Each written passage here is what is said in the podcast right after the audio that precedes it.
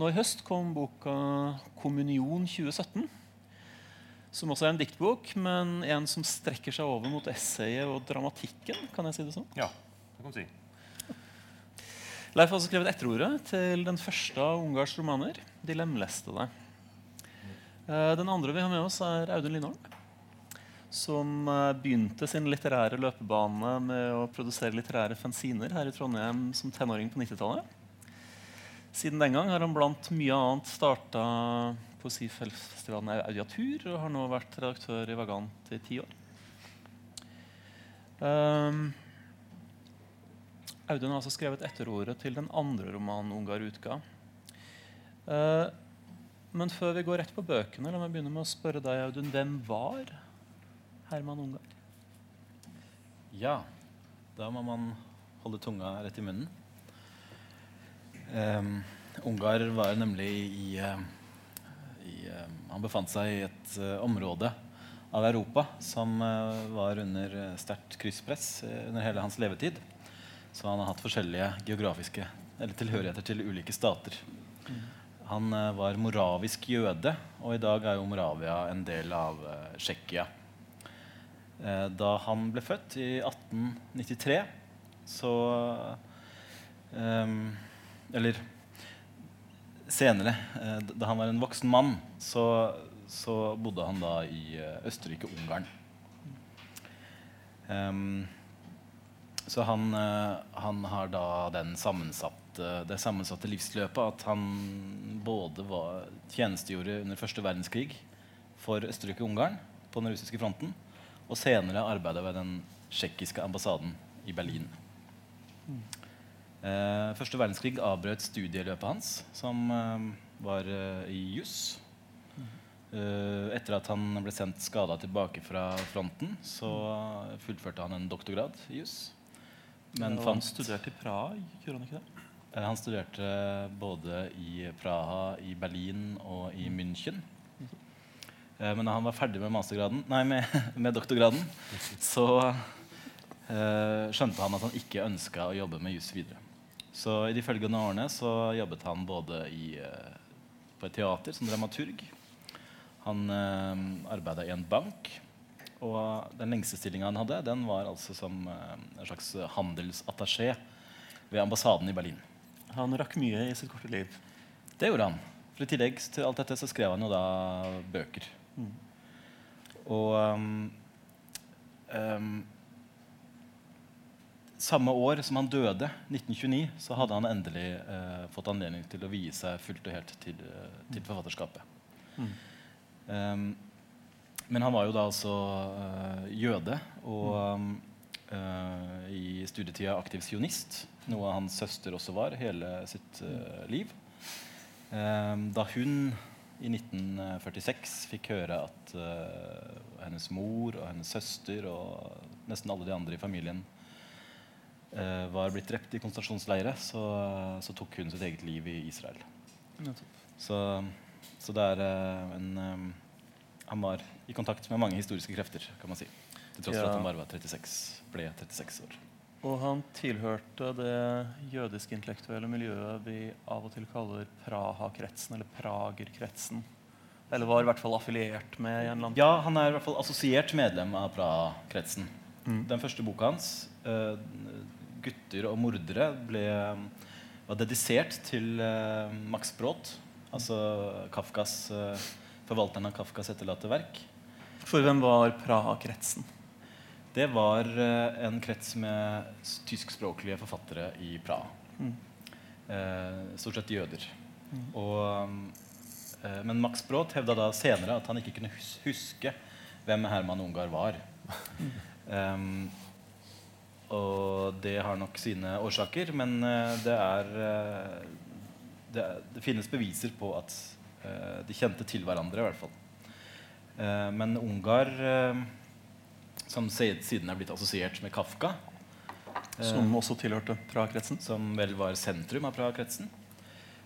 Han, han hevda at han ikke hadde lest Kafka, og at Kafka, på samme måte som Freud, som han også ble assosiert med, må ha hatt en så sterk stråle en slags sånn, Han sammenligner det med radioaktivitet. At de må ha hatt en så sterk strålevirkning at, eh, at man kunne plukke opp eh, noe fra dem selv om man ikke hadde lest det. Unnskyld. Han han lest uh, Lest Hosfjord. Ja. fenomenologen. Ja, ja, det kan Hosfjord.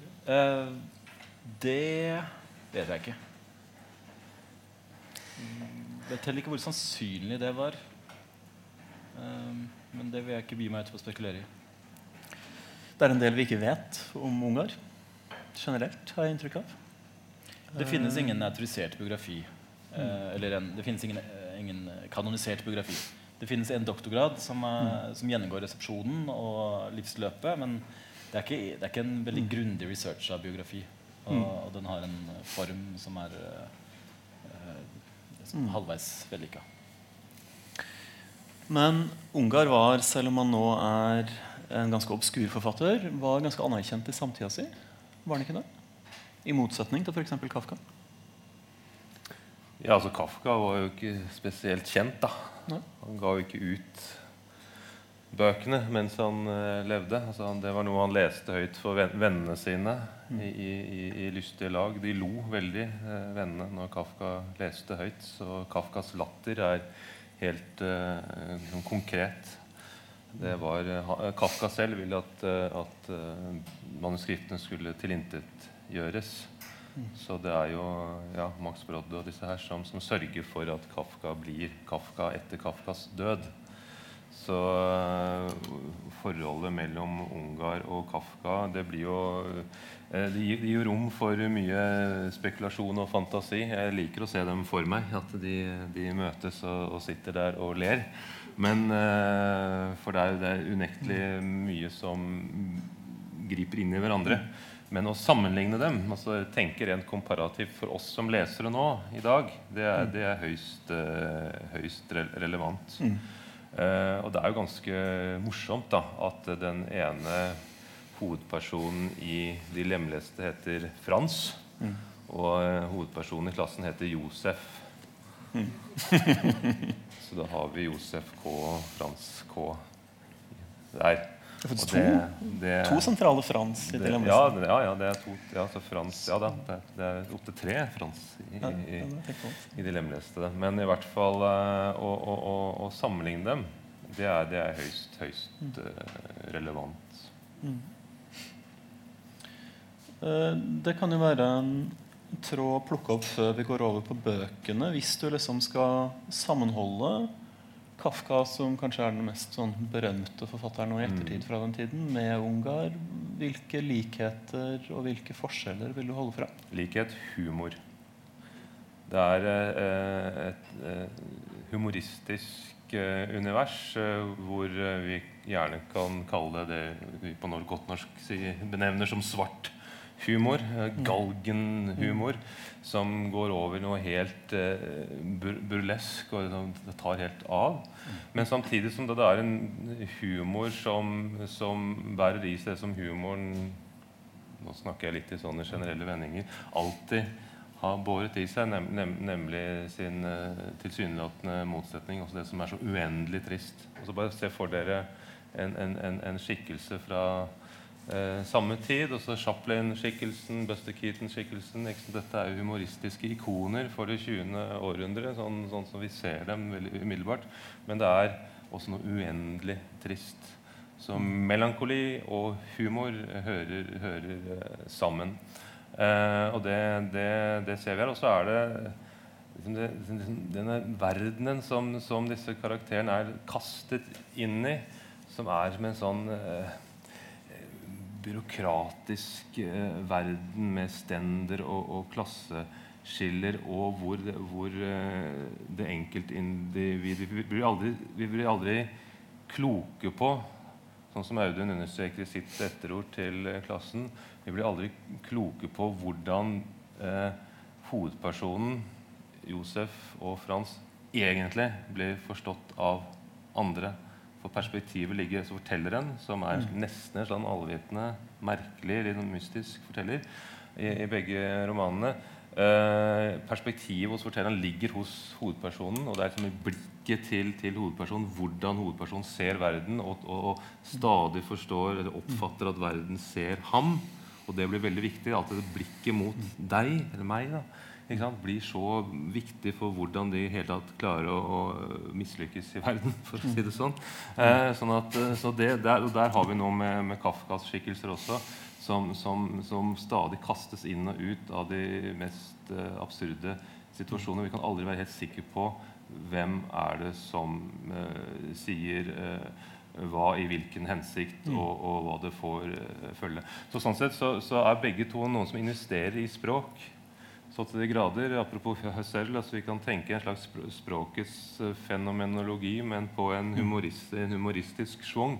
Altså Det er en mm. undersøkelse av talemåter og, og, magien i det å snakke. Mm. For i begge bøkene her så er det sånn det som blir sagt, det får så vanvittige konsekvenser. Mm. Så, så, det er derfor jeg, jeg da i mitt, mitt etterår eh, begynner med å snakke om talemåter. Altså hvordan, noen, mm. hvordan vi snakker, snakker sammen. Det får så enorme følger for dem.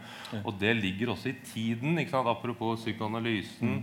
Mm. hvordan vi snakker sammen, hva, hva slags kraft som mm. ligger i språket i en slags sånn kall det eh, sekulær verden som allikevel blir utrolig mytisk ladet. Men, men det er noen overleveringer der fra uh, metafysiske forståelsesrammer? Ja, absolutt. Mm, altså Skjebnetroen og, og, det at alt har så store konsekvenser. Ja. Det er som om det er, eh, det er en guddom som har full mm, oversikt. Ja. Og, og, hvis, hvis du, du, blir offer for noen uheldige uh, tildragelser, så er det fordi du har gjort noe galt mm. eh, som du trodde ingen så, men som likevel mm har utløst noe. For Ungar har blitt kalt også den moraviske Dostojevskij.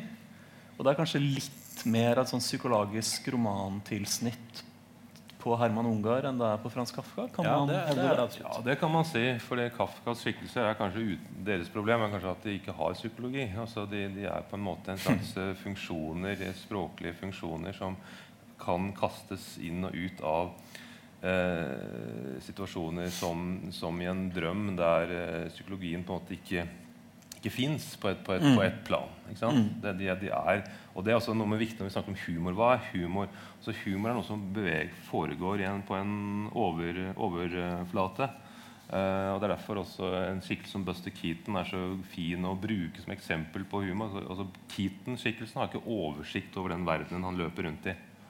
Det er en verden han løper rundt, og plutselig så, skjer det, så ramler det ned en vegg. og så er han heldig fordi at det er et eh, åpent dør eller vindu som gjør at, han får det over kroppen. Og så, og, så, går det bra. Og så løper videre.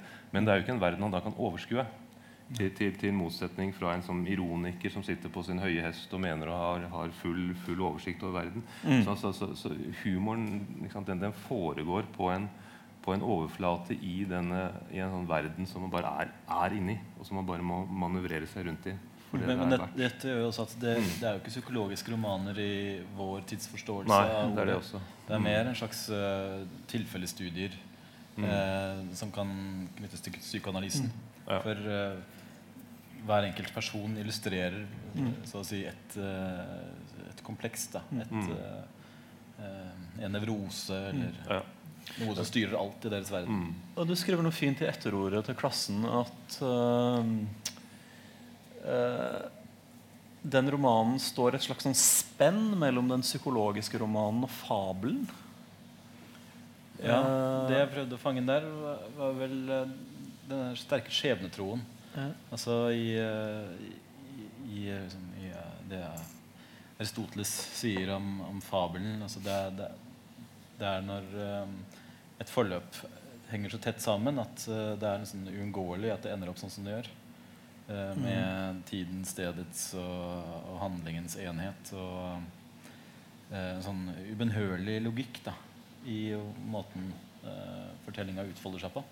Som, som jeg syns er påfallende i disse mm. bøkene. Det er som om altså, Selv om det er mange detaljer, mange mer eller mindre realistiske detaljer, så er det som om det som skjer, det er det eneste som kunne ha skjedd. Mm. Og sånn er det ikke i, eh, i, rund, i, psykologiske romaner med runde karakterer. Fordi du føler det mer rom for den frie vilje og handlingens ja. påvirkning? Liksom. Mm. Du skriver at dette var kanskje den viktigste formen selve tilværelsens utgrunnelighet fikk i litteraturen før den psykologiske romanen. Kan du utdype det? For det synes jeg var en veldig flott uh, formulering som jeg likevel ikke helt får grep om.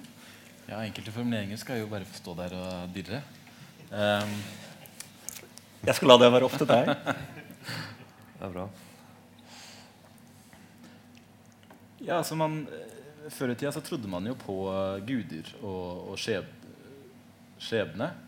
Men det var jo likevel noe utgrunnelig ved det som uh, hendte. Det var jo ikke sånn at alt var forklart i et hellig skrift eller i en uh, mytisk fortelling. Mm. Um, så det utgrunnelige har jo eksistert forut for uh, dyrking av valgfrihet og individualitet. Um, ja, ja. Man finner mange myter, da, hvis vi går tilbake til den gamle, gamle myteverden, som nettopp er myter som nærmest forklarer det utgrunnelige. At dette, det, sånn er det. det, det, det her, her, dette må vi bare leve med. Det mm. kan ikke, kan ikke forklares. Mm. Ja. Så, Leifs forklaring er bedre enn min. Ja, ja. Så, altså, det, for, det, for det, det, er jo det er vår tid det, som har sånn behov for å forklare gamle myter. Vi, vi vet hva de betyr. Og det er klart Der har psykoanalysen og Freud hatt sitt å si også, for liksom, liksom tøm, tøm, tømme dem for, for liksom, Nå er fortolkningen gitt. ikke sant? Men så skal vi ikke se bort fra at en del myter har hatt en funksjon at de ikke har vært til for å åpne for så veldig mye fortolkning og forståelse, men bare for å si at dette er ikke forståelig. Mm. Og det er en dimensjon ved, ved, ved, å lese gamle tekster som vi, vi nesten må lære på nytt. Um, det, der, der, der, tror jeg han berører han, han, altså, Herman Unga forsøker å vise at den moderne verden er like mytisk ladet med, med sine katastrofer og, og, og, og, relasjoner mellom folk. Her har vi en tyskspråklig, jødisk eh, intellektuell som skriver ikke minst etter at den tyske kulturen har fått seg en skikkelig skudd for uh, baugen med, med første verdenskrig. Og så det er her en sånn kall det realhistorisk eh, ramme rundt som, som, som, jeg ikke har berørt i mitt jeg tror egentlig det hele tatt, men, men som er vel verdt å, å, å tenke på. altså At de lemleste kan like gjerne peke på eh, eh altså den, den tysk, tyskspråklige kulturen som, som, som, raser. Og her er det en, en tyskspråklig jødisk eh, tenker intellektuell i tillegg i et eh, fellesskap som kan være nå, Hva skjer nå? Nå rakner det. Mm. Og Det som også er interessant i de lemleste når det kommer til spørsmålet om, eh, om, om det jødiske altså her er, Dette er skrevet av en jødisk forfatter som lar sin hovedperson være opp, vokst opp i en romersk-katolsk familie, hvor forestillinger om jødene mm. er ja, det vi vil kalle antisemittiske. Slik at det blir også en måte for Herman Ungar å behandle eh, forestillingen om jøden. Mm. her er det, liksom, det er sånn at eh, altså Det er en eh, Frans Polser som hovedperson i De lemleste det heter. Han har vokst opp i en romersk-katolsk familie, en kjøpmannsfamilie med mye vold. Altså, liksom, de er ikke, de det er ikke, det er ikke, dette er ikke det høye borgerskapet. Det, er, det liksom en små, småborgerskap. Mm. Uh, og hvor uh, særlig tjenestepiken uh, Milka, som en gang jobbet en uke sånt, hos noen jøder, men da rømte hun da, da påsken nærmet seg, for da, da, skulle jo de spise barn. Ikke mm. sant? Altså da, fordi han har hørt fortellinger mm. om jødene. Og der er det igjen talemåtene, altså hvordan språk fungerer. Altså det er sånn, da fikk hun på en måte bekreftet, selv om ikke det skjedde, så fikk hun bekreftet sin frykt av det hun har blitt fortalt. Og da ser vi også hvordan det mytiske fungerer, hvordan allegorien kan fungere altså i form av de fortellingene du blir fortalt, og som du tror på, og som du er i, og som du, og, og som du på en eller annen måte får bekreftet, gjerne gjennom frykt og, og, og angst og, sjokk, som er de tre måtene å være redde på, ifølge Freud. Kunne du tenkt deg å lese den ja, passasjen? fra det Og da tror jeg gjerne, for ettersom vi har snakket om det mye, så tror jeg jeg leser fra begynnelsen. For da, da hører man hvordan, hvordan, dette mytiske, mytiske verdenen etableres. Fabelen, som Audun sier, det mytiske universet, etableres i første stund. Også, Man kan tenke seg også sånn en, en verden hvor bare, alt bare er som det er, og, og alt er en slags evig gjenkomst. Så, sånn, liksom. sånn er det det åpna i Sverre Dahls det må også understreke, det er Sverre Dahl som har oversatt disse, disse bøkene. Som vi kanskje må kunne si er en av de aller fremste Han er en av de fremste tyske oversetterne i Norge ever. Det er ingen, ingen, ingen tvil om. Fra han var 20 år, hadde Frans Polser vært funksjonær i en bank. Hver dag klokken kvart på åtte om morgenen gikk han til kontoret sitt. Aldri ett minutt før eller senere. Når han gikk ut av sidegaten han bodde i, slo klokken i tårnet tre ganger. I hele den tiden Frans Polser hadde vært funksjonær, hadde han verken skiftet stilling eller bolig. Han flyttet inn i den da han oppga studiet og gikk inn i yrkeslivet. Boligvertinnen hans var enke, omtrent like gammel som ham. Da han flyttet inn hos henne, var hun i sørgeåret etter sin mann. I alle de årene han hadde vært funksjonær, hadde Frans Polser aldri vært ute på gaten om formiddagen, bortsett fra på søndager. Han kjente ikke lenger hverdagene der ute når forretningene er åpne og en del mennesker presser seg frem i gatene. Han hadde aldri vært borte en eneste dag fra banken. Gaten han gikk gjennom om morgenen, oppviste det samme bildet hver dag. Ved forretningene ble sjalusidørene trukket opp. Utenfor dørene sto handelsbetjentene og ventet på sjefene sine. Hver dag traff han de samme menneskene. Skolejenter og skolegutter, avblomstrede kontordamer, menn i dårlig humør som skyndte seg til kontorene sine. Fort, uoppmerksomt og uten å blitt lagt merke til som en av dem, gikk han der på dagtid blant menneskene. Det var blitt spådd at Frans Polser med sine anlegg, sin flid og utholdenhet ville kunne avansere til en ledende stilling i yrket sitt. Han hadde aldri i løpet av hele denne tiden tenkt over at de forhåpninger han knyttet til sin kar- karriere, i grunnen ikke var gått i oppfyllelse. Han hadde glemt denne tanken. Han glemte den i alle de små virksomhetene tiden hans var delt opp i fra begynnelsen av. Han sto opp om morgenen, vasket seg, kledde på seg, kastet et blikk på avisen under frokosten og la i vei til banken. Han satte seg ved bordet sitt, der hauger av papir hopet seg opp, papirer han måtte sammenligne med ting innført i bøkene i hyllene rundt omkring. Hvert ark han hadde sett igjennom, merket han med initi- initiativene i navnet sitt og la dem i en mappe. Rundt i rommet og i de andre rommene satt mange andre menn og kvinner ved bordet så som, så, som så akkurat likedan ut som hans. Lukten av disse mennene og kvinnene, lyden av deres enstonige virksomhet og samtale gjennomstrømmet hele huset. Frans Polser var fullstendig kompetent til arbeidet sitt. Det var ingen grunn til å utmerke seg, og altså heller ingen anledning til å tiltrekke seg de overordnedes oppmerksomhet. I en liten restaurant i nærheten av banken spiste han lunsj. Ettermiddagen forløp som formiddagen. Da klokken var seks om ettermiddagen, ordnet han dokumenter og blyanter, låste skuffen sin og gikk hjem. Enken serverte ham et enkelt aftensmålstid på det lille rommet hans. Han tok av seg sko, jakke og snipp. Etter aftensmaten leste han avisen grundig en times tid. Så gikk han til sengs. Han sov urolig, men drømte sjelden.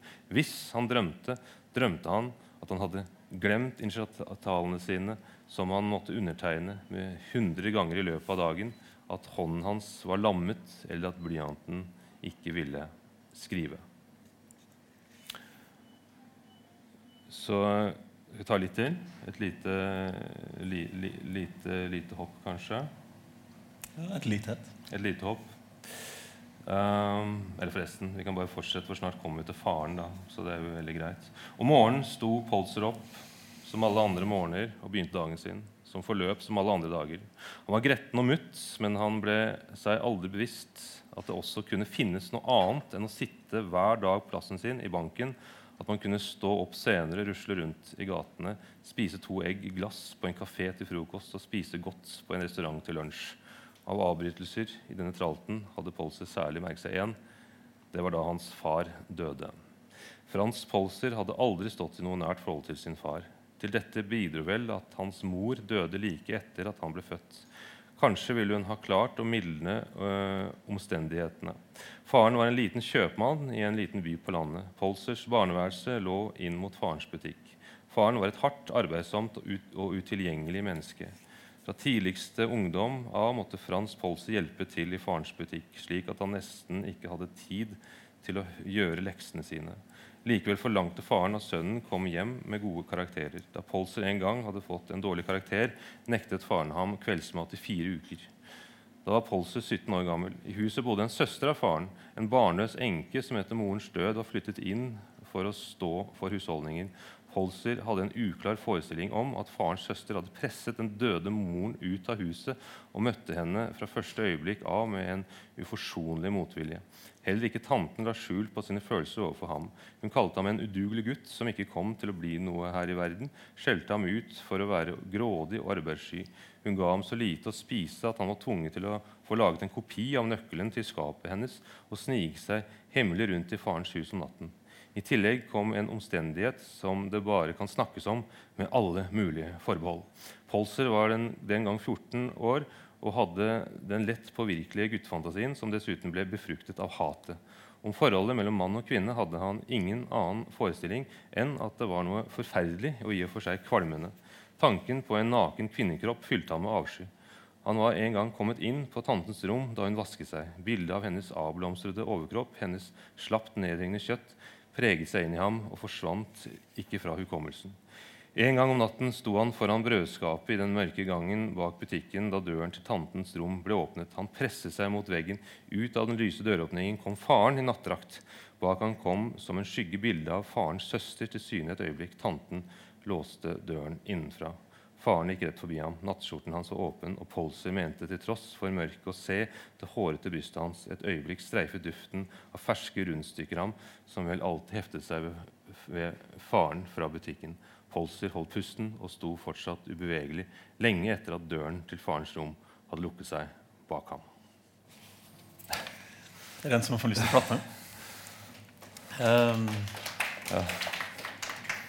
Stakkars mann. ja.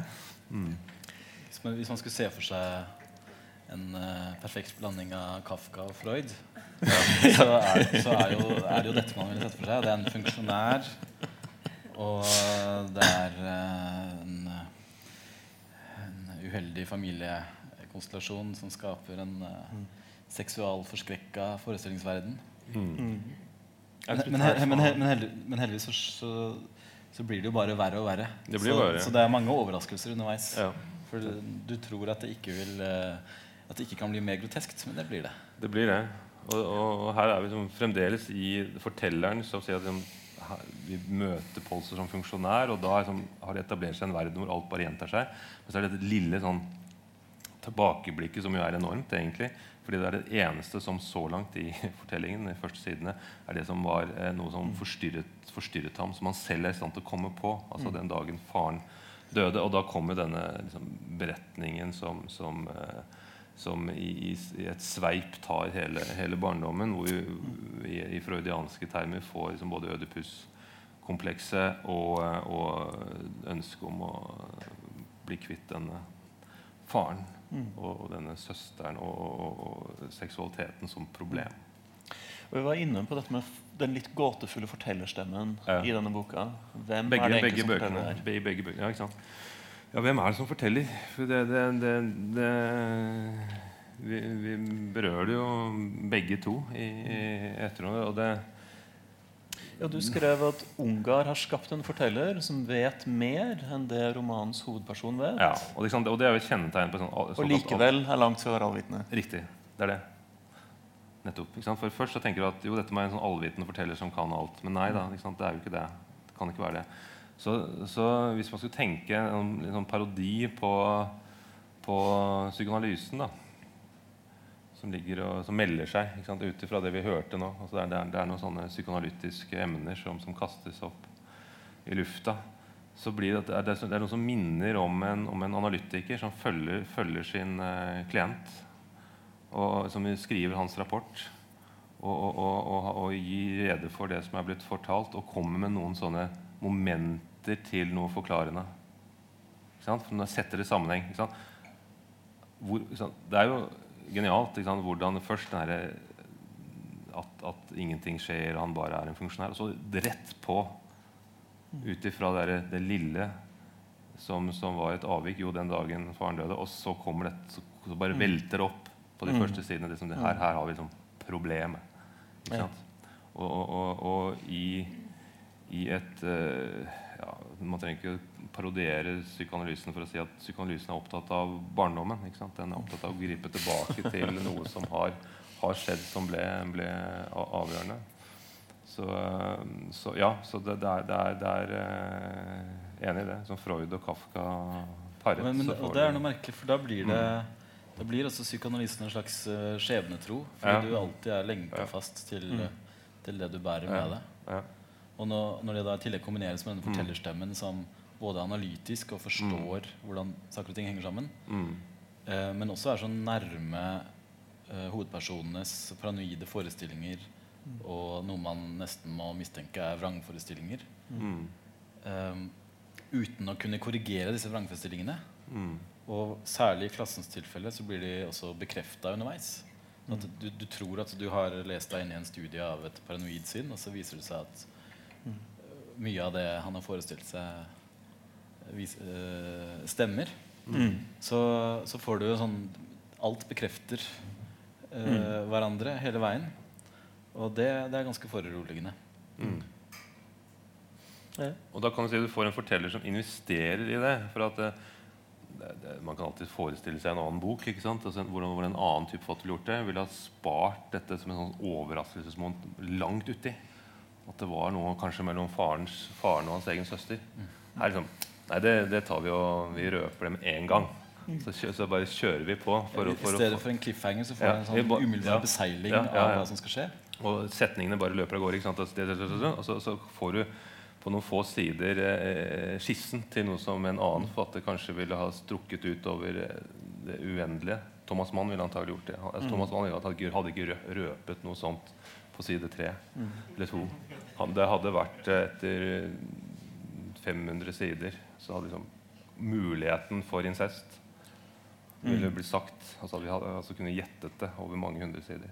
Men, men noe av det pussige er at uh, Ungar altså sier i et brev at første gang han hørte om Freud, var en anmeldelse av uh, debutboka si. så det var eh, Selv om han helt sikkert har lest den etter hvert, så må det ha vært uh, noe i lufta, noe han virkelig Ja. har hatt en affinitet til i utgangspunktet. Det er noe i tiden. Og det er jo også noe i tiden som Freud tar tak i. Ikke sant? Det, det er det som også er viktig å, å, å tenke her. Og, og, og Freud uh, har jo også behov for å revidere sin, sine teorier nettopp på, på den tiden. her Så psykoanalysen har liksom Mm. fått fotfeste. Men det er noe for- Freud selv også noe, noe, et slags ubehag knyttet til en teori som er i ferd med å forsegle seg. Mm. Og så går han til skritt og reviderer det, det hele som da skjer eh, i 1920 med, med hinsides Mm. uh, lystprinsippet, hvor han, hvor han kaster sin egen teori om kull og skaper stor eh, ra, ramaskrik innad i det som da er etablert som det psykoanalytiske fellesskapet. Ja, du går jo langt i en psykoanalytisk lesning Ja, av Ja. i eh, etterordet. Ja.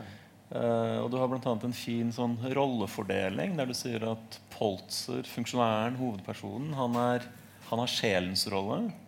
Mens Carl Fanta, som er hans venn som lider av en sykdom som gjør at han blir får amputert Konkret lemlestet, kroppslig. Mm. Han spiller da kroppens, Kroppens rolle. rolle. Ja. Mm. Og videre hadde du kvinnene. Kvinner, ja. De, de har vel eh, Hva var det jeg skrev der? Det, Du skrev at uh, de seksuelle rollene fordeler, Fordeler seg på kvinner. ja, ja. ja, det er riktig. Ja. Det kommer vel å merke i et, en, det kommer vel å merke igjen eh, mot slutten av etteråret, hvor jeg in- investerer i, i parodien. Da, for at jeg er veldig opptatt av, av Ungar som en humorist, som, Mm. som dere har forstått. Så, så det er også et etterord som forsøker å liksom, aktualisere, som vi gjerne kaller det, den humoristiske dimensjonen. Altså det måtte også bli noe, Jeg måtte ha et parodisk element også i selve Ja, det har en litt spesiell selve form, dette etterordet. Ja, det er satt opp som en, som en dialog hvor vi ikke er helt klar over hvor mange som eh, snakker sammen. Men, men det valgte, grepet valgte jeg primært da jeg forsto at jeg måtte si noe om dette med talemåter. Som jeg nevnte tidligere. Altså rett og slett hvordan språk også nesten fungerer magisk. Også. Det som blir sagt, får ikke, altså, alt som sier alt disse karakterene snakker, sier til hverandre, får følger også. Det er liksom ikke noe rom for tomprat i den forstand. Selv om mye av det som blir sagt, er jo, kan vi oppfatte som, som, eh, som svada, for å si det sånn, så, så, så får det enorme konsekvenser. Eh, sånn at eh, å, å, å, bli, å bli forstått altså blir, som de, de, disse, disse to hovedpersonene vi har snakket om her, Josef og, og Frans, de, de, de, er, de har sanseapparatet utapå seg omtrent altså for å følge med på hva som blir eh, sagt og, og, og, og, om dem, og, hva de selv kan si, og hva de selv sa, og kanskje liksom, må forstå det de selv sier. ikke sant? Sånn at, eh, ja, tale, så Da blir det et, et spørsmål hvordan er det folk snakker sammen. Ikke sant? Hvordan er det folk snakker sammen? Og det, det melder seg som et uh, problem. da. Altså at uh, Dialog. Det, og, og dialogen er jo en sjanger. og det, altså, jeg, vil, jeg vil også leke med en urgammel litterær sjanger som ikke er så vanlig å leke med lenger. altså dialogen. Og dialogens uh, utgangspunkt, slik vi kjenner den i en vestlig sammenheng, det er jo selvfølgelig Platon. Og da er det jo snakk om en rasjonell samtale. Å få ting til å gå opp i, en, i forståelse og fornuft. ikke sant? Og her er det jo her er det snarere det motsatte. Vi, det, er her, det er sånn kultur, kulturens tilstand som, som Ungar eh, peker på, hvor, hvor, hvor samtalene har, eh, og dialog har, har, har krakelert. Fordi det er noe annet. Det, er, det, det, blir også den, det kan du kalle det gjerne den, den negative effekten av det, det mytiske allegoriske. At det alltid er som Jo, hva var det du sa nå? Jo, ja, riktig. Og jeg, jeg forstår det på en helt annen måte enn deg, antagelig. Og, og, og, vi blokkerer hverandre i rasjonell eh, samforstand. Og da, det, det er jo som skapt for romankunst. Og kanskje det er der rom, romankunsten virkelig eh, tar, begynner òg. Hvis, vi tenker, eh, hvis vi tenker Nå er jo ikke Don Quijote ble, Det sto ikke roman på tittelbladet i sin tid. Men ikke sant? greit, eh, vi, vi sier det er sånn et viktig Vi regner, vi regner den i dag regner- som den første ja, romanen. ikke sant? Det er helt greit å si det. det, det, det vi så trenger vi ikke å ta hele den diskusjonen med når begrepet kommer inn i verden og tilbakevirkende kraft. Men der også er det jo snakk om, om eh, hvor, hvor mye komikk som oppstår ved at dialog krakelerer. Fordi eh, den rasjonelle samtalen lar seg ikke gjennomføre.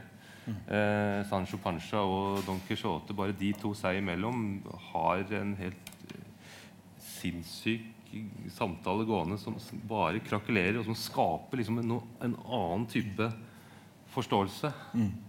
Som, som er noe helt annet enn det som, som, som Platon eller opp- Diderot da, i opplysning senere, liksom, opplysningsfilosofien. Ikke sant? At samtalen som det som bygger opp mot et klimaks, og så har vi forstått det, og så har vi et begrep. Så, ja. Det er mange tråder vi kan prøve å plukke opp senere i samtalen her. Men jeg har lyst til å gå litt videre Apropos til klassen. sa, samtale. Ikke sant? jeg satt og tenkte på det. Ja.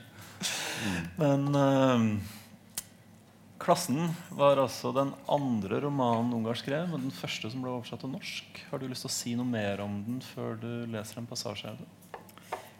Ja, som tittelen tilsier, da, så øh, kretser mye rundt klasserommet. Hovedpersonen er en lærer som strever med å holde kustus på elevene. Og det er vel hele hans livsprosjekt, er å eh, ikke tape ansikt overfor dem. Eh, det innebærer da sånne ting som at han eh, gjemmer seg inne en gang i friminuttene. Og eh, gjemmer seg i portrom hvis han er redd for at elevene skal passere etter skoletid. Og at han forestiller seg at de driver gjøn med han bak hans rygg fordi det går et rykte om at hans kone er blitt gravid. Noe som jo også stemmer. Så hun føder i løpet av romanen. Og først så er det en veldig sirlig oppbygning. Eh, man, man blir kjent med hans eh, selvforståelse og, og klasserommets eh, oppbygning og maktstrukturen i, i, innad i klassen. Um, og her igjen en veldig sånn klassisk oppsett. Det er omtrent som man forestiller seg at det skal være.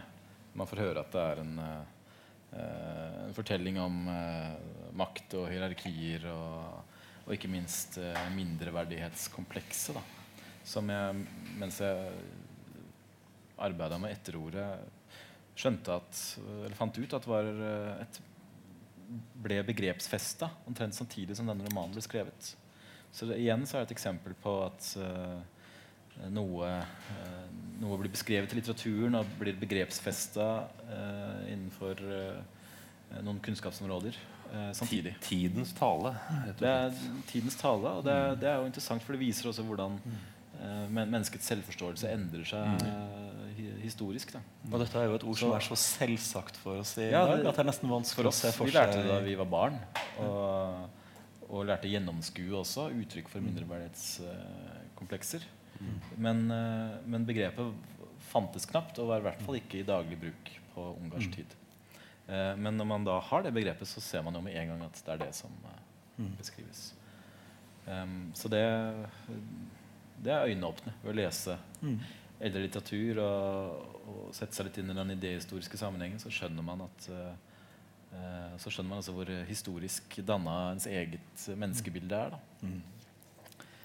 Men, men i denne romanen nå, så er det sånn at det blir veldig mange komiske opptrinn etter hvert. Uh, burleske overdrivelser. Um,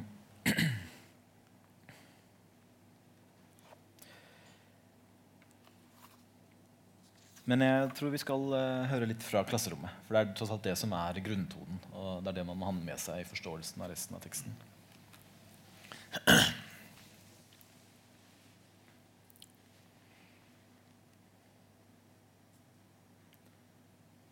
Han måtte, som øverstkommanderende på en beleiret festning, gjøre alt land i viden omkrets, selv det fruktbare, til ødemark.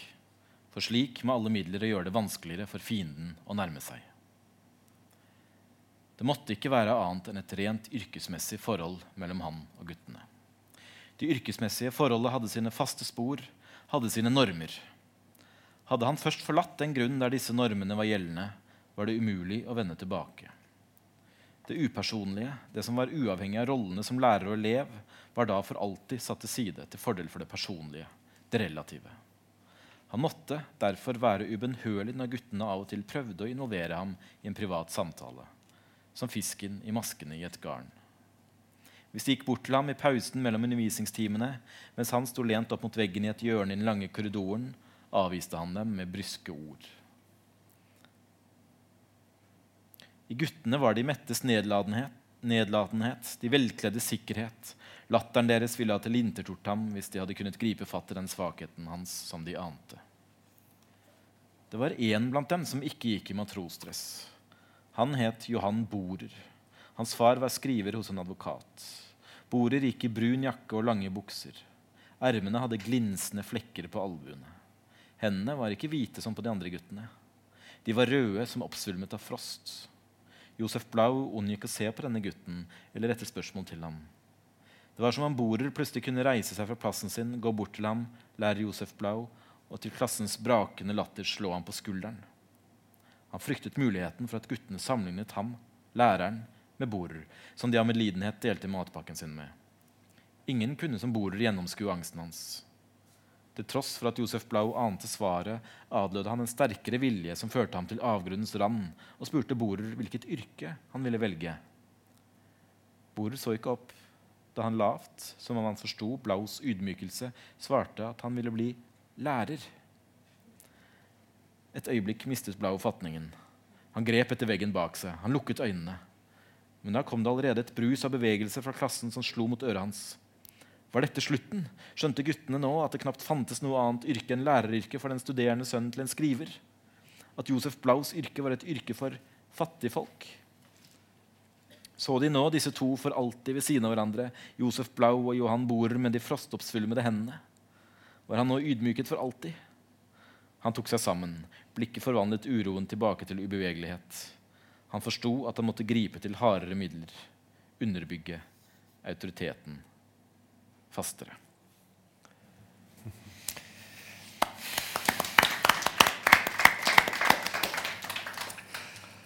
Um, Josef Blau er jo en skikkelse det er, det er litt vanskelig å klappe for, men uh, Ja, han, han, uh, eh, fortelles han- overbevisende. Han er definisjonen av ynkelighet på alle måter. Men man tvinges jo inn i hans eh, verden da, og i hans væremåte. Fordi perspektivet hele tida ligger hos han. Ja, og jeg spør meg, Ligger fortellerstemmen i klassen litt tettere på hovedpersonens perspektiv enn det gjør i de lemlestede? Vi, du var inne på det tidligere, at du opplever at de begge steder har denne tvetydigheten. fortellerstemmen. Ja Jeg opplever vel at uh, Jeg opplever vel at uh, At for, de to fortellerne er veldig beslek, altså, beslektet, og at, at, at det er her Ungar har prosjektet sitt. Jeg, jeg vil si det samme med klassen. Altså det er eh, tett altså perspektivet hos hovedpersonen, men vet litt mer, men uten å være allvitende. Fordi han stadig kan gjøre denne lille, lille risset rundt uh, liksom de andre personene på en måte som ikke nødvendigvis ligger ikke nødvendigvis, vel å merke, ligger i den umiddelbare oppfattelsen til, til hovedpersonen. Mm. Sånn at du som leser stadig får litt den der følelsen av å lese, lese en, en, en, en som rapporterer. Altså. Som, at, at du får at det er en og også, det, det er noe mytisk ved det. Altså, det, er en tredje, det er en annen til stede. Ikke sant? Som ikke er som altså, altså, da, hadde, da, hadde, da hadde Ungar skrevet det jeg-person hvis han hadde ønsket å få til det helt direkte eh, rett på. Altså, det er den, den som i fravær av Gud eller hvem du vil, så er det noen som er i stand til å føre din journal. Samme hvor elendig eh, den beretningen blir, eller forvridd, mm. så så er det noen som alltid vil forstå verden slik du forstår den, og som vil føre den journalen med noen tillegg. Ja, jeg opplevde liksom klassen som en litt mer klaustrofobisk roman i å være mer fanget i Josef Blaus perspektiv. Men uh, Det kan... er nå uansett trukket inn i det. Det Kan jo også være fordi det er mer eh, dramatisk, det som skjer med han. Um, og det, denne nærheten i f altså At fortellerstemmen befinner seg så nært hans perspektiv, samtidig som han åpenbart blir uts utsatt for eh, At han blir overlista av andre og oppfører seg komisk. Det, det er jo også noe av det som fører til eh, humoren. Eh, så det er jo et humoristisk grep også. Eh, noe av det som skjer i klassen, er at de beveger seg ut fra, fra den oversiktlige verdenen i klasserommet og skaper en utflukt. Skal bestige et fjell. Um, og da blir han selvfølgelig veldig engstelig, for der kan det jo skje alt mulig. Det er kropper i bevegelse, og det er vertshus de kan gå inn på. Og eh, det er vanskelig å holde kustus i rekkene. Og da blir han da så stressa av den situasjonen at han um, Idet de ser en annen klasse, eh, besvimer. Det som utløser besvimelsen, det er at læreren fra den andre klassen han, han er en vitalist, en soltilbeder. Så han har kledd seg nesten naken og står og utfører gymnastiske øvelser foran elevene, som han også oppfordrer til å gjøre det samme.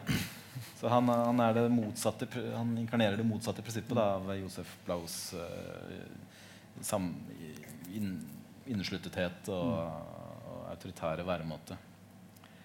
Så da må han eh, trekke seg tilbake med halen mellom beina og overlate sin egen klasse til soltilbederen.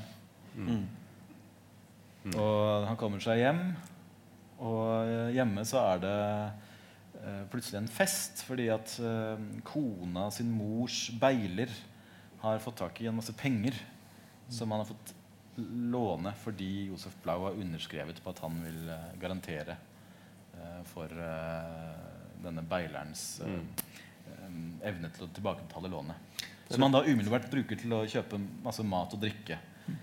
Og da havner han midt i denne festen, hvor også soltilbederen da kommer etter kort tid. Og da, er, eh, da har han mista kontroll selv i sitt eget hjem. Og derfra ut så blir det bare Da har ballen virkelig begynt å rulle. Ballen ruller, og med et fargerikt persongalleri på, på slep. Du har nevnt onkel Bobek som den slags sånn vellystens prinsipp, kanskje, hvis vi fortsetter den Ja. franske lesninga. Og øh, bare for å skyte inn ettersom vi snakket om hva er, det, hva er det fortelleren vet, som ikke hovedpersonene vet? Jo, er det noe fortelleren vet, og stadig øh, kan du antyder, og som verken Josef eller Frans vet noe om, kan vi anta. Det er at det er en ny tid i emning. Begge disse to er rester fra en tid som er i ferd med å forsvinne. Eh, den, ikke sant, eh, Josef med, med sine forestillinger om hva en lærer skal være, det er den måten han har blitt, selv blitt opplært i. Og denne soltilbederen som han da besvimer ved synet av, det er jo selvfølgelig den nye, nye læretypen, og dermed også den nye tid som, som er i emning. Og, og øh, det er ikke tilfeldig, tenker jeg, at øh, Frans Polser er plassert som, som funksjonær i en bank. For er det noe som utvikler seg i rasende fart nettopp på denne tiden, så er det bankvesenet.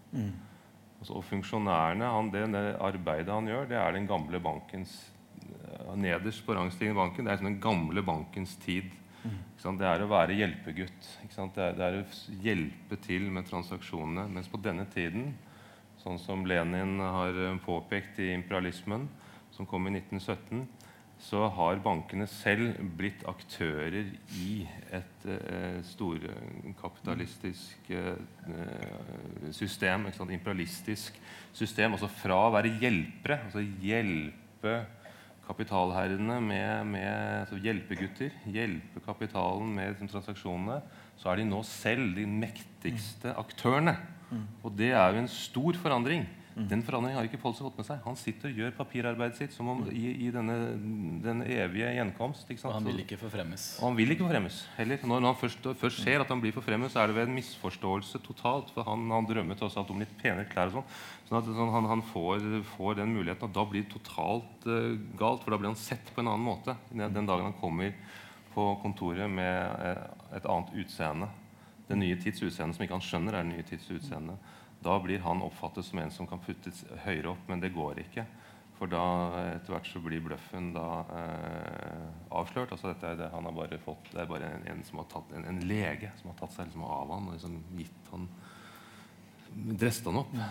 Ja, det er noen sånne mystiske Ja, utenforpersoner i, eh, Mange i begge disse romanene. Ja, ja, ja. Og, Og, det er et vell av, av historie på hva som kunne ha vært. altså Frans Polser kunne på et tidspunkt ha fått mulighet til å komme inn i den nye verden eh, eh, ved at hans gode venn altså Han opplevde ingen kjærlighet hjemme, men han opplevde kjærlighet i et jødisk eh, st- storborgerlig hjem. Han, og, der, er- og der er det mye som opp til oss å tolke om dette er en slags homoerotisk fortelling som, som, som, som ligger der eh, sånn og, i, for, i fortiden. Altså hvor, hvor det er en Carl Fanta som, da, som du nevnte i sted, som er den som man kan gå til som ung. Og faren til Carl Fanta er en, er en, rik, velmenende, og, og, og gir da Frans eh, muligheten til å studere medisin, så han kunne bli lege. Men det, det må plutselig avbrytes fordi Carl Fanta blir alvorlig syk. Og da har ikke faren til Carl råd lenger til å, å, å eh, betale for utdannelsen til Frans Polsor. Og er derfor han sørger for at han tross alt får en stilling i, som funksjonær i en bank. Men, og da er han på en måte tilbake til den gamle, gamle, gamle tid. Så det er litt, litt den der hovedpersonen som ikke, ikke, ikke for, selv forstår at han befinner seg akkurat i en sånn eh, overgangstid. da. og la oss følge det sporet med antisemittismen litt. For det tematiseres jo veldig, Veldig. i De lemlestede, Ja, og i noen grad også i klassen. Eh, men så er det også en slags sånn parodisk kanskje framstilling av Eller la oss heller si en karikert framstilling av en katolisisme, i hvert fall en kristentro, som er enda tydeligere i klassen. Som jo er litt underlig på sett og vis, i og med at her er det en jødisk forfatter som Ja. skriver, men begge hans hovedpersoner er ikke jødiske. Det er, det er nok veldig mange jødiske temaer, selv om de ikke utpekes Definitivt. som sådanne i, i romanen. Og det, det var påfallende da jeg leste meg gjennom noen anmeldelser eh, klassen fikk da den utkom. At for, eh, for dem var det helt opplagt å lese den inn i en jødisk eh, forståelsesramme. Eh, men det kan også godt hende at det var et uttrykk for eh, en slags sneversynthet fordi de visste at forfatteren var, var jødisk. Men, men ja, det er en slags eh, omvendelse eh, mot slutten i klassen som er uh, ganske underlig sett med vår tids øyne. Og som uh, har en mer katolsk karakter, så vidt jeg kan bedømme, enn en jødisk. Um, men det er jo også et, også et uttrykk for den nye, nye tid, da, som Leif nevner. For Hvis man først begynner å se etter de uh, tegnene, så er det veldig mange av dem. I sånn, nærheten til togstasjonen, f.eks., med transporten som skjer der. To- Togstasjonen er jo et av de fremste emblemene på, på det moderne. Eh, rollen avisen har i De lemlestede. Um, og da ikke minst uh, Josef Blaus beste venn, barndomsvenn i, uh, i klassen, som blir et slags talerør for veldig mange av de omstyrtende ideene som sirkulerer uh, på dette tidspunktet. Ja, du tenker nå på Modlitski, som er den litt sånn mystiske utenfor-figuren i klassen. Ja. Det er jo en vidunderlig djevelsk skikkelse. Ja, ja, helt fantastisk. Og han har tatt opp i seg alt mulig fra eh, Nietzsche til anarkistisk tankegods til venstrerevolusjonært tankegods. Og vil i det skjulte, for han er da en, eh, en tjener som alltid stiller på pletten og eh, har plettfri eh, oppførsel. Han, I det skjulte så virker han da for uh, samfunnsordens uh, omstyrtelse. Og og dette snakker han åpent om til Josef Blau, siden de har kjent hverandre siden de var uh, barn. Men det gjør jo bare Josef Blau enda reddere for at Motlitski også er den som intrigerer i kulissene for å, å sørge for hans egen hans eget fall. Da. Mm. så han er jo en veldig fascinerende karakter. Ehm, men blir også en slags mediator for denne religiøse omvendelsen som kommer. Så det er på ingen måte entydig hvor romanens eh, sympati ligger, eller hvem det er som skal eh, Hva som er det attråverdige her. Mm. Det er en iscenesettelse av eh, et idékompleks. Vi skal ikke glemme at også et, et sånn historisk bakteppe for å kalle det, det er jo 1800-tallets eh, eh, store eh, diskusjon om, om eh, det jødiske og, og, og det å assimilere seg. altså bli, for I Tyskland da, i tysk, bli tysk borger.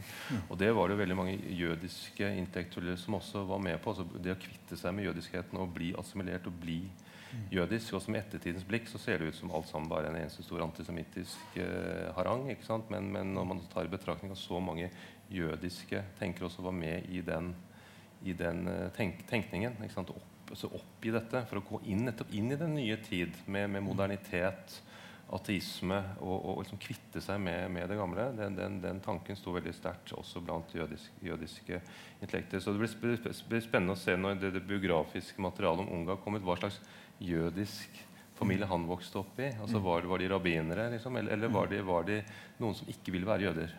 Ikke sant? Det, det også er et, er et uh, veldig Det, viktig det er jo godt belagt at han var uh, sionist i Ja, ikke selv. sant? Og, mange Og skrev i uh, eh, mm. og snakka på mm, møter i studentersamfunnene og sånt. Mm. Men det skal han da ha gått eksplisitt imot seinere. Mm. Mens hans egen søster fortsatt tilhørte bevegelsen og var Mm. blant de som først dro til Israel. Mm. Mm. Eller Palestina. Mm. Jeg vil snakke litt om Thomas Mann, Ja. som vi var inne på. Uh, også som en del av tidsbildet her. Han Mm. var jo en forfatter som snakket veldig varmt om uh, Herman Ungar. En annen var Stefan Zweig, som ikke er Mm. så stor i dag, men som var Hva var det den mest berømte forfatteren. han er like, like stor, han. Han er like stor?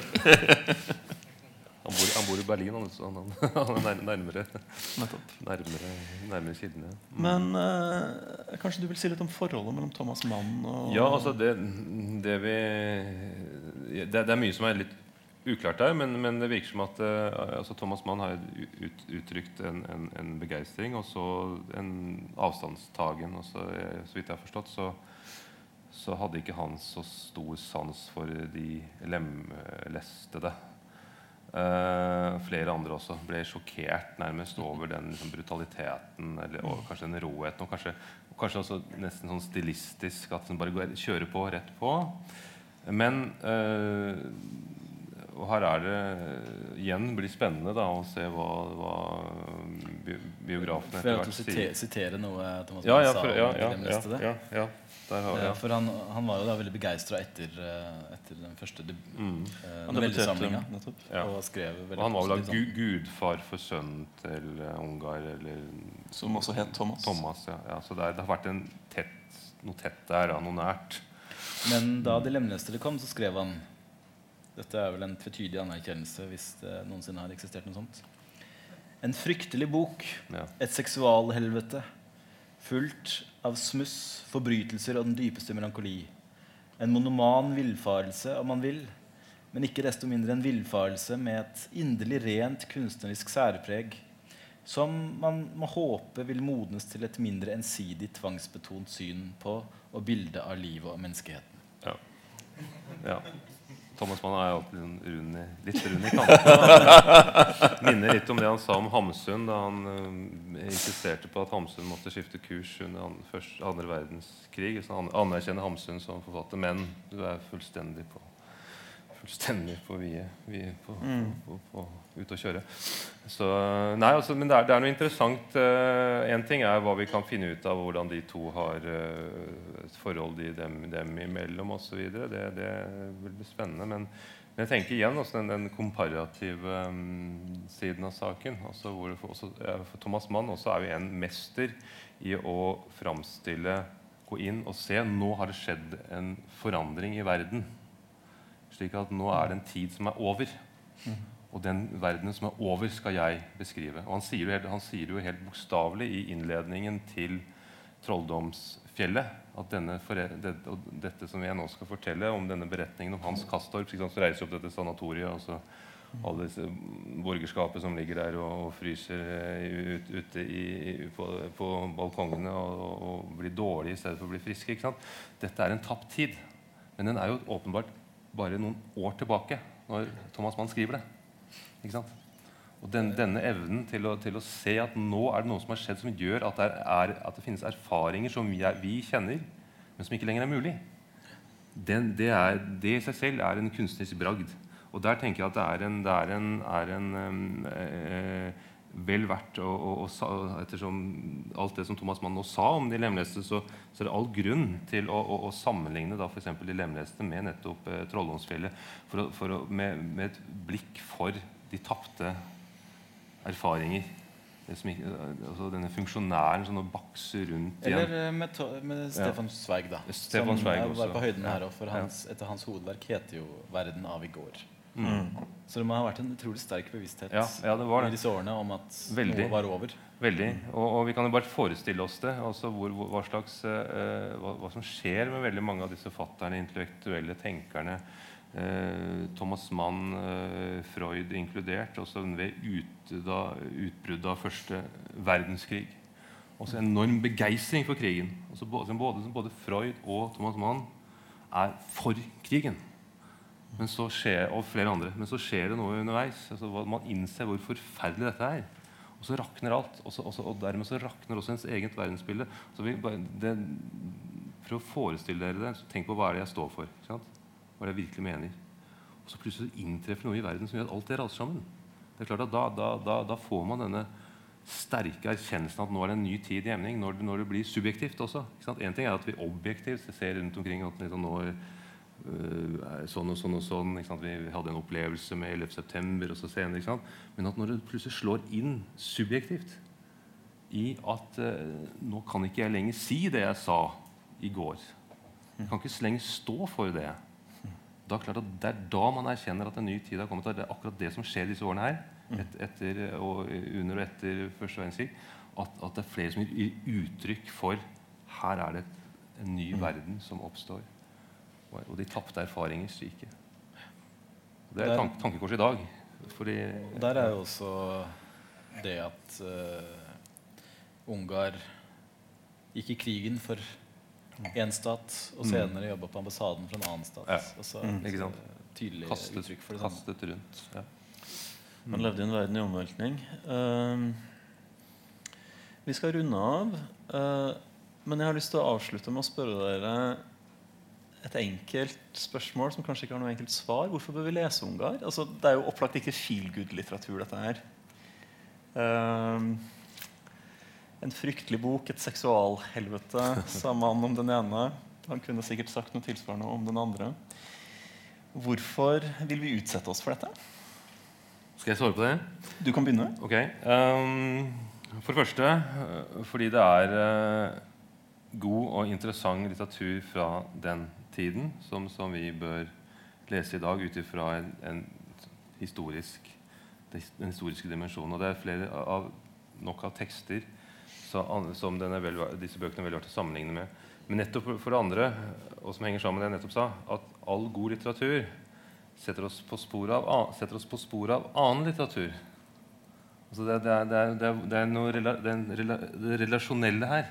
Altså det, blir for meg da, det er umulig å lese de lemleste uten samtidig også å begynne å reflektere rundt eh, psykoanalysen, og, og særlig én bok av Freud som kom inn på denne tiden hvor nettopp ting raser sammen. Og Freud, Freud midt oppi alt der, må også omkaste sin teori. Altså Den nye tid, apropos.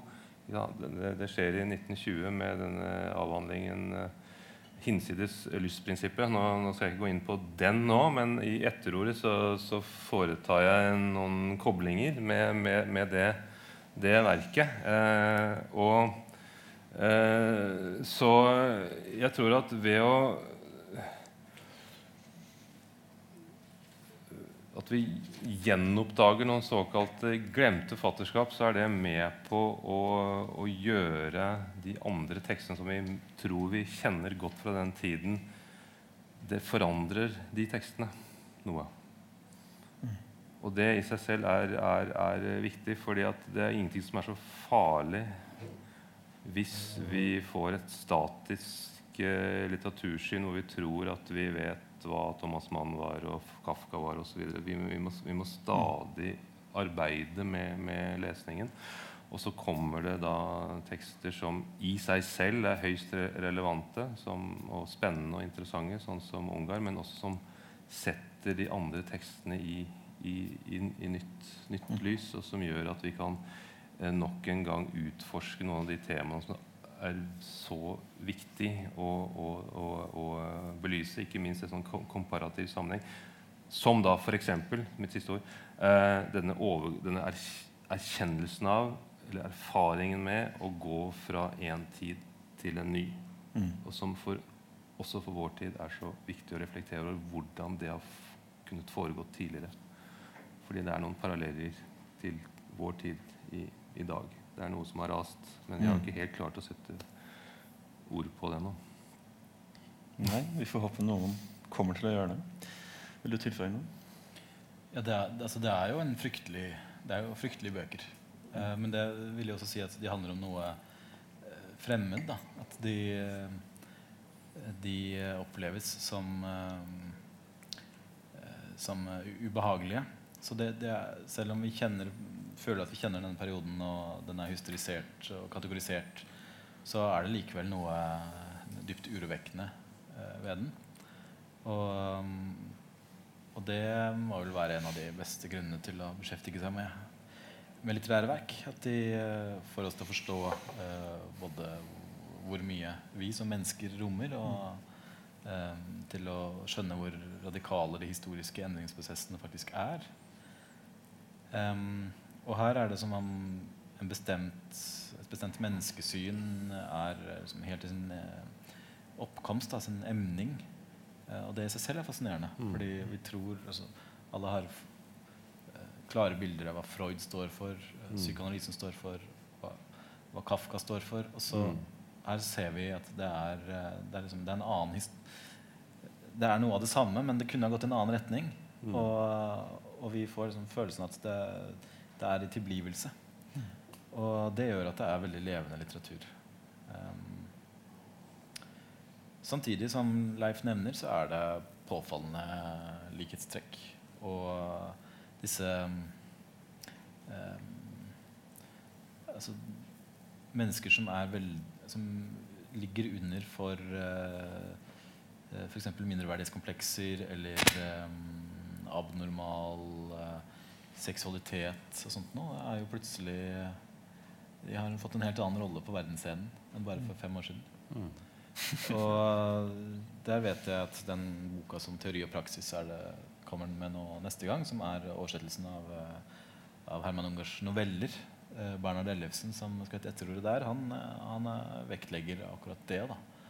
At eh, de eh, personlighetstypene som Ungar er eh, interessert i, og som han eh, eh, dissekerer, de er plutselig blitt eh, eh, de definerer ordskiftet igjen på en helt annen måte Mm. enn for kort tid siden. Så det, det er en uønska aktualitet, men eh, den er der. Eh, Da tror jeg jeg har stilt dere mange nok spørsmål, men det er kanskje noen i salen som har lyst til å stille. Mathias. Her, ja. Jeg tror uh... Ja. Ok. Nei, jeg hadde eh, For det første så vil jeg jo si det at den her eh, Det er jo en fantastisk bok som kom ut for noen år siden, som heter 1913 av Florian eh, Elias. eh, hvor, som er en sånn dyneløftingsbok på mange måter, men hvor man og Kafka eh, og en rekke av dem, eh, Zweig eh, er involvert. eh, og nummer én sak. Det jeg egentlig vil, vil, vil spørre om at veldig mange av de begrepene dere bruker og snakker om, er festa i, i samtida. Eh, eh, så da ikke nei, altså, deres eh, altså, på en måte gjenkomst eh, snakker Freud, eller om det er på en måte altså, hva, eh, Har resepsjonen i senere tid gjort noe med det her, altså, jeg mener, i en lakansk kontekst, eller i en frankfurter eh, eh, eh, altså kontekst har de her romanene blitt plukka opp og, og på en måte blitt kommentert på nytt igjen. fordi at altså, det apparatet dere bruker for å snakke om dem, er tilhører den tida. Så altså, har, har det vært noe som har skjedd? Det er et, det er et lite kommentert forfatterskap. Og det har nok å gjøre med at uh, han, han ble ikke løfta fram som en av de viktigste i, fra kretsen. Og så ble jo Tsjekkoslovakia kommunistisk, og da var jo dette pervers litteratur som, ikke, eh, som det ikke var noen grunn til å studere eller løfte fram. Og um, det, det innebåret Og dessuten så var den skrevet på tysk. Og det var, det var så lite omtalt at uh, det var ikke en del av litteraturhistorieverkene. Så det var først uh, rundt 2000 tror jeg, at uh, det kom en fullstendig tysk utgave på nytt. Og etter det så har, har han blitt møtt med stor interesse, men, men det, de prosessene går jo ganske sakte. Så det, det er ganske illustrerende at det kommer ut på norsk nå, og på dansk samtidig. Kom en kommentar, da. Hvis du kan be om da, eh, i den her eh, freudianske eh, an- analysen spesielt, som ble i fjor eh, eh, her nå, boka det skrev jeg etter om. Men jeg skulle ha putta det inn i en slags lagansk eh, kontekst. Om det hadde forandra det, eller om det hadde eh, gjort noen forskjell på, på en måte. Jo, det tror jeg absolutt. Men det er også en, en, For å gripe tilbake til spørsmålet fra Arild, altså hvorfor lese Ungar i dag, så kan et svar nettopp være et, et, et, fatterskap uten resepsjon. Uten to, toneangivende res- resepsjon. Det er interessant. For da, da må vi liksom begynne fra scratch. Og eh, for når vi leser eh, nettopp eh, Kafka eller Thomas Mann, så er det så mye der. Liksom, det til Thomas Mann, det er som umulig å klare å ta st st stilling til Hvis du skal forske på mann, eller skrive noe om mann, så må du på et eller annet tidspunkt nevne Georg Lukács og hans innsats eh, i, i, i det å, å skrive om mann, og, og, og, og Lukács som liksom dukker opp i manns romanunivers som en fiktiv karakter. Det, er, det, er, det, å kunne også nærme seg et forfatterskap som, som nærmest framstår som ulest, er, er i seg selv en, en nesten en kald, Jeg vil ikke kalle det verdi, for det er et ord som blir misbrukt i Norge i dag. Men, men, men jeg vil si, si det, det, er, det er noe som påkaller en, en ettertanke. da. For da, da får du testet hele lesermetoden. Altså du, du, du, det er noen obligatoriske runder og sånn som du ikke, ikke, ikke kan gå. Og det er noen, det er noen fristelser som eh, du ikke faller i. Fordi det er en annen stor eh, filosof som har sagt dette om nettopp dette verket. Her er det ingen som har sagt noen ting.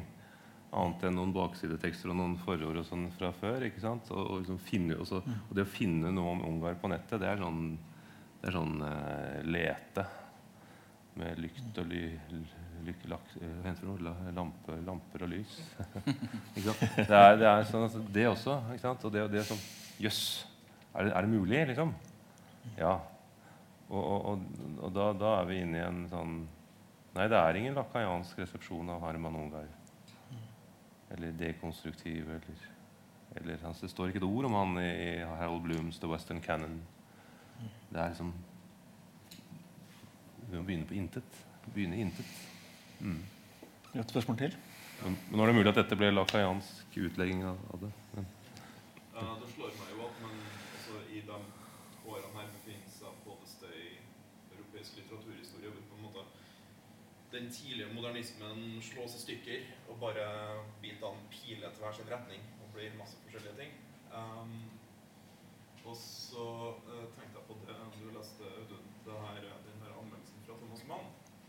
Og altså, ikke så fryktelig mange år etter så har akkurat det samme kunne blitt sagt om Celine. Bare da med svært positivt fortegn. Ingen ambivalens. Det her er helt forferdelig, og vi elsker det. Liksom. Eh, noe som leder meg til å tro på at, eh, tro at vi kanskje med da Ungar ser eh, et, så- et sånn tidlig eksempel på en av de mer sånn subversive modernistiske retningene som på en måte ligger under eh, under det mest anerkjente, på en måte, som da f.eks. Celine står for, uh, Gabriella Witkopf uh, Det, det er et veldig godt poeng.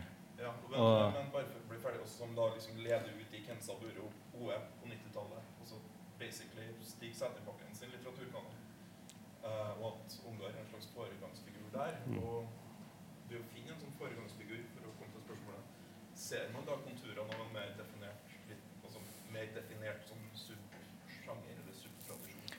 Ja, det er jo en slags an an antihumanistisk tradisjon eh, som løper eh, ved siden av de, eh, den eh, alltid tilstedeværende mannfamilien i Mm. Tyskland. i hvert fall. Um, og den første gang jeg hørte om Herman Ungar, var i et essay av Stig Setterbakken. Jeg tror det var et av hans etterlatte essays. Han hadde plukka ut. De lemleste det til, eh, til sitt uh, kommende bibliotek på Bokvennen, som vel Leif skulle være redaktør for. mm. Um, og, um, så, så det var uh, Han hadde funnet fram til Ungar, og han var blitt, rukket å bli en del av hans uh, pantheon. Uh, og hvem er det vel uh, Sæterbakken og igjen har vendt tilbake til som en sånn prygelknabe som han ikke orker å forholde seg til? Det er jo Thomas Manns eh, uh, kloke, humanistiske, veloverveide romaner. Mm. Um, så det er helt presist det du sier der, tror jeg. Mm. For dette er, altså det, er, det er noe av det som er så forfriskende i de romanene. At de virkelig tør å gå inn i nevrosene og perversjonene uten noen dømmende fortellerinstans overhodet. Og, og, det peker fram mot Ja, og uten den idealiseringen sant, som også da i filosofisk forstand som fremdeles er eh, høyst operativt hos uh, Thomas Mann. Så Thomas Mann her må også, liksom, han, er, han, han er virkelig den, den, den siste store borgerlige Mm. forfatter. Ikke sant? Også med da borgerlige konvensjoner i liksom, både fortellerteknikk og hva som, for å si det sånn, sømmer seg. Og- og det som ikke sømmer seg, det, det, det holder man skjult så lenge det går an. Men han vil jo ha det fram. Men da ikke, sant, ikke med den brutale rett fram-stilen til eh, Ungar. Jeg synes eh, Sammenligningen med Celine, som kommer senere, er in, in, interessant. Eh, som om Ungar er liksom født for tidlig. Han skulle liksom ha vært uh, 50-talls uh, rabulist og sittet og Ja, men det er noen, Paris, det er noen liksom, likheter med f.eks. eh, Gottfried Bens Ja, ja, eh, ja, noveller. Og Ja. det er eksplosjonismen. Ja, absolutt. Og det er klart, det er, det er jo dette en tid hvor uh, også, Uavhengig av om man tenker uh, liksom, uh, understrøm eller ikke, altså, så er, er det jo en, det er, en, en vilje til eksperiment som man ikke har sett før eller siden. Ikke sant? Hvordan liksom, det er x antall med ismer. Og jeg tenker på en poet som Ezra Pound, sant, som i løpet av sin karriere som etablerer ismer, og så er det en ny isme, og så er han ferdig med det, og så er det en ny igjen. Og så manifester. Sant? Det, det, det, det å la eh, kunsten og, liksom begynne på nytt og sprenge det gamle, og og, og, så og så går du bort fra det du sa i går osv. Det, det er, det, det er, er tid, tiden som, som virkelig arbeider så det, på spreng. Altså. Og, og, og det å få en bedre forståelse og en, av det, alt det som foregikk der, det, det er en kjempeutfordring. Altså. For det er andre glemte, mange andre glemte stemmer også som, som helt sikkert bør eh, tas, eh, tas eh, fram. Ja. Så to spørsmål til i salen. Altså, min, i- min eh, innfallsvinkel er litt annerledes. da. Eh, grunnen til at jeg ville hit i dag, det er at jeg nettopp har lest Guts Alis uh, siste bok, uh, 'Europa gegen Juden', Mm. uh, som omtaler hvor, forteller hvor, hvilket dekket bord nazistene kom til da de skulle kvitte seg med jødene i Mellom- Øst-Europa. Mm. Hvor bl.a. den uh, tsjekkiske nasjonale bevegelsen, demokratiske bevegelsen, uh, var jødehatende så det holdt. Mm. Eh, hvor da dette herre strevende sjiktet, hos disse herre uh, gode uh, østeuropeiske, sentraleuropeiske bondesønnene, følte seg utkonkurrert av jødene. Mm. Og ble kvitt disse brysomme konkretene, og til og med i Frankrike det samme. Og jeg har også da lest første kapittel, første innledningen til Gutalis, Warum die Deutschen, warum die Juden, som måte som han sier er et forarbeid til eh, Europa gegen Juden. Mm. Hvor han tar for seg mindreverdighetsfølelsen. Mm. Men også tyskerne er i besittelse av denne eh, tyske og også mellomeuropeiske østeuropeiske nasjonalisme som en eh, systematisert, idealisert mindreverdighetsfølelse. Mm. Og, og da var det på en måte det dere har sagt i dag, eh, det passer inn i dette skjemaet på en måte at Grunnen til at jeg da har lyst til å lese disse bøkene ordentlig, er på en måte å få, få en litterær utdypning av Absolutt. denne tematikken. Ja, ja. Jeg tror du har helt rett. Og jeg tror nettopp da Ungar da som jødisk forfatter, intellektuell, han, han, han, han, han har sett disse mekanismene. Og så, lager han da Skaper eh, hovedpersoner som eh, er av romersk-katolsk herkomst, og som har det enorme mindreverdighetskomplekset i seg og hva det, kom, liksom, hva det kommer av. Altså det som kutymer, det, det som ikke sømmer seg, og alt dette her. Eh, og at han, at han kjører det for, for fullt. Og da blir jo vet, igjen tilbake til det med talemåter Alt som sies? Det, blir, det blir sprengstoff. Ikke sant? Fordi da er det, er, det, er, det er nesten sånne regler for hva som kan sies. Og, og, og det blir sånne regler for volds, voldsutøvelse også. Ikke sant? Det er, det er også, den, altså, ung- denne bare voldens uh, Måten vold blir fremstilt på. Altså, det, er, det er jo en sånn Jo, de ville det. De ville bli slått. Ikke sant? Og de, de, de, vil, de ville uh, Og de vil uh, Frans Polser vil gjenta det som, som var fornedrende. Og Det får han også da i ytterste potens eh, møte i form av en predikant som da alle ting heter Sontag. Han har blitt eh, predik kristen predikant eh, fordi han, eh, han har vært slakter. Og han har levet et liv hvor han har, måttet, har opplevd noe ydmykende. Han for Som ung mann ble han eh, forteller han at han ble lokket med av en, av en mann, eldre mann som tok han med og få han til å kle, kle av seg foran mange mennesker. Men da har denne Sonta fått det for at dette må gjentas. Man må gjenta ydmykelsen. så Derfor så kler han av seg på samme måten foran Frans Polser og Carl Fanta. At, og, så har han hørt historier om, om jødene at de, de er sånn at de må gjenta det at de, de drepte Kristus. Altså de, de må gjenta De må gjenta dette her.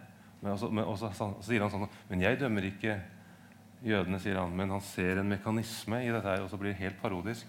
Men da selvfølgelig har jo Om Ungar er klar over det ikke, så har han da berørt så i høyeste grad det som Freud nettopp tematiserer hinsides lystprinsippet, altså det han kaller gjentagelsestvang. Tvangen til å gjenta det som, det som, altså bare, som det vi kaller å rippe opp i. Du bare blir og forblir og forblir og forblir i stedet for å, i, stedet for å kutte av og så gå, gå videre. Liksom, glem det.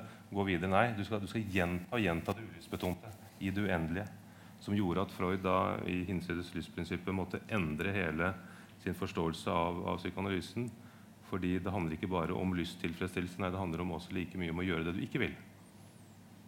Og den, så den, den mekanismen der, altså fornedelsen, altså det, det å ha den der mindreverdighetskomplekset, det er jo å forbli. Altså du vil det. Det er noe du vil være. Du vil gjenta og gjenta og gjenta det. For dermed så får du også en ytre fiende som du kan peke på ikke sant, til slutt, som da er tilfellet med nazismen. Ja, Som en liten supplerende kommentar så så er det jo desto lettere å knytte han til utviklinger i Tyskland også, siden han tilbrakte like mye tid der som i, som i Moravia eller eh, andre steder i Østerrike-Ungarn, skråstrek Tsjekkia. Da tror jeg forleggeren skal få et siste spørsmål. Eh, det er jo det, det du sa i forhold til tradisjon. Eh, og det er en grunn til at vi har eh, valgt å ta eh, ja, disse bøkene og denne forfatteren inn i boken. Det er fordi eh, jeg opplever at den tradisjonen ikke fins i noe særlig grad her. Den eh, ble stoppet. Eh, og det er veldig få forfattere som opererer i den tradisjonen. Eh, som på en måte Audun snakker om er mer en liten fabel. Det er flate karakterer. På samme måte som det er i Kafka sine romaner. er flate karakterer. Det er ikke, det er ikke noe rik psykologisk dybde i noen av Erlend Møllers karakterer. Det er en helt annen type litteratur som jeg opplever er for lite av i Norge. Det er masse psykologisk realisme. Det kan gå hvilken som helst bokhandel rett over gata. Plukke hvilken som helst bok ut fra hylla. Og du finner en uh, dyp psykologisk eller annen form for for, um, beskrivelse av et uh, indre liv. Eh, men dette her er noe helt annet. Det er en tradisjon vi egentlig har for lite av, tenker jeg. Og det er en av grunnene til at jeg har tatt, uh, tatt det. Og spørsmålet var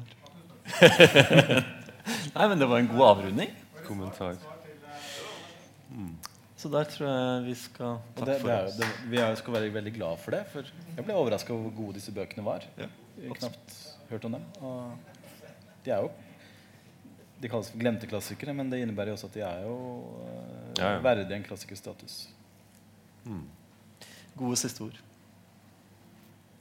Takk.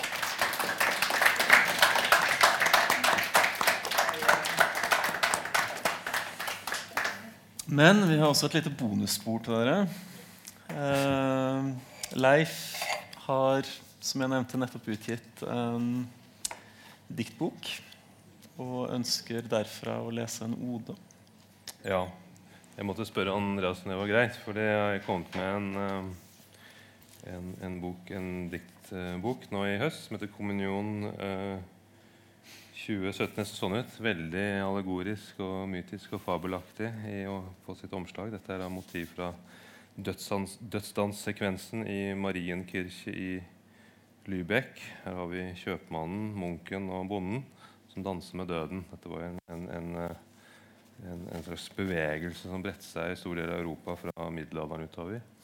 Med slike motiver som kom inn i, i kir kirkerom, som alle for, for, foran døden er alle like. Men det er også fortiden som romsterer, og de døde som griper fatt i de levende og sier at du kjøpmann, du vil jo bare tjene masse penger, men når du dør, så får du ikke med deg noen av de pengene. Men eh, i hvert fall, jeg har lyst til å lese et av diktene, for jeg har et dikt her som er en ode til Trondheim. Og da tenkte jeg, Nå er jeg i Trondheim, liksom, og øh, i her på Liasurus, da må jo det urframføres her. tenkte jeg, Så spurte jeg om det var greit. Så hvis ikke dere har noe mot det, så skal jeg framføre denne oden som, som, eh, som da har en, en del med, med det gamle Hellas å, å gjøre, selvfølgelig. Men, men ve veldig kort. Det, det, som skapte en sånn situasjon at jeg måtte bare skrive en ode til Trondheim, det var da for noen år siden kom seint inn til Trondheim, og så skulle vi ha ble han av han eh, Mathias. Han, han er på do.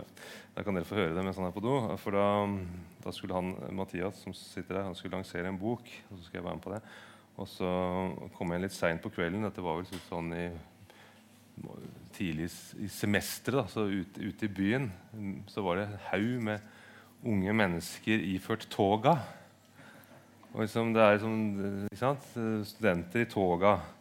Og det er jo noe litt rørende ved det. Altså at, at disse unge menneskene som etterligner romere, som i sin tid etterligner grekere, og dermed skal liksom hylle kunnskapen altså det, det, er liksom, det er en fin, eh, veldig fin, eh, fin eh, ting. Så så da, da begynte det å kverne noe som etter hvert ble en ode. som heter heteode, også med parentes grekarar og kinesarar. Og den er sånn. Høy nå. Jeg pløyer Trondheim ei stjerneklår natt. Skuggar utenfor domen, togaparty i byen. Fortel dette vidare. Du, min kjære greske venn, vil vel ganske enkelt døy av latter minutt etter døden, sier nokon. Må ha dikta for første gongen her i verda, gjenge ned til hamna, skipa venta. Visst at alt nå skulle, og mange tror du, var til stades.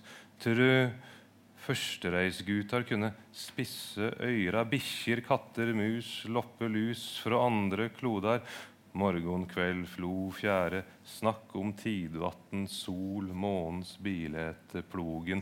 Men nokon må ha dikta for første gongen her i verda, kan hende nett der du er ei natt som denne, vil du seie.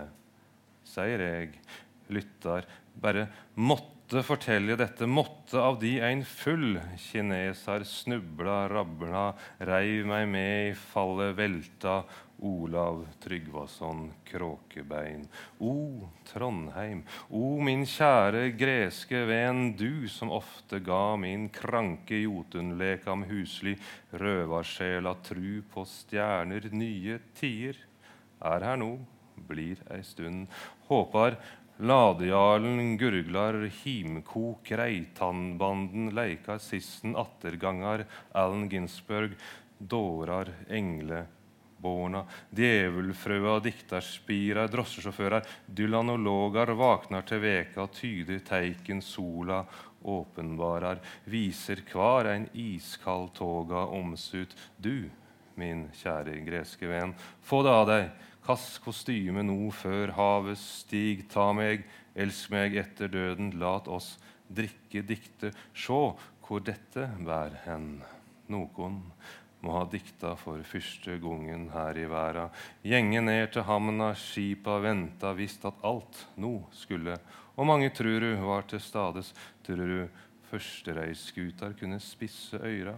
Bikkjer, katter, mus, loppe lus fra andre klodar. Koss hev de haft det all den tid, kineseren? Høy nå! Morgen, kveld, flod Fjerde snakk om tidvatn, sol, månens bilete, plogen. Men nokon her i verda, Trondheim, må ha dikta for første gongen, kan hende. Trondheim, nett der du er ei natt som denne.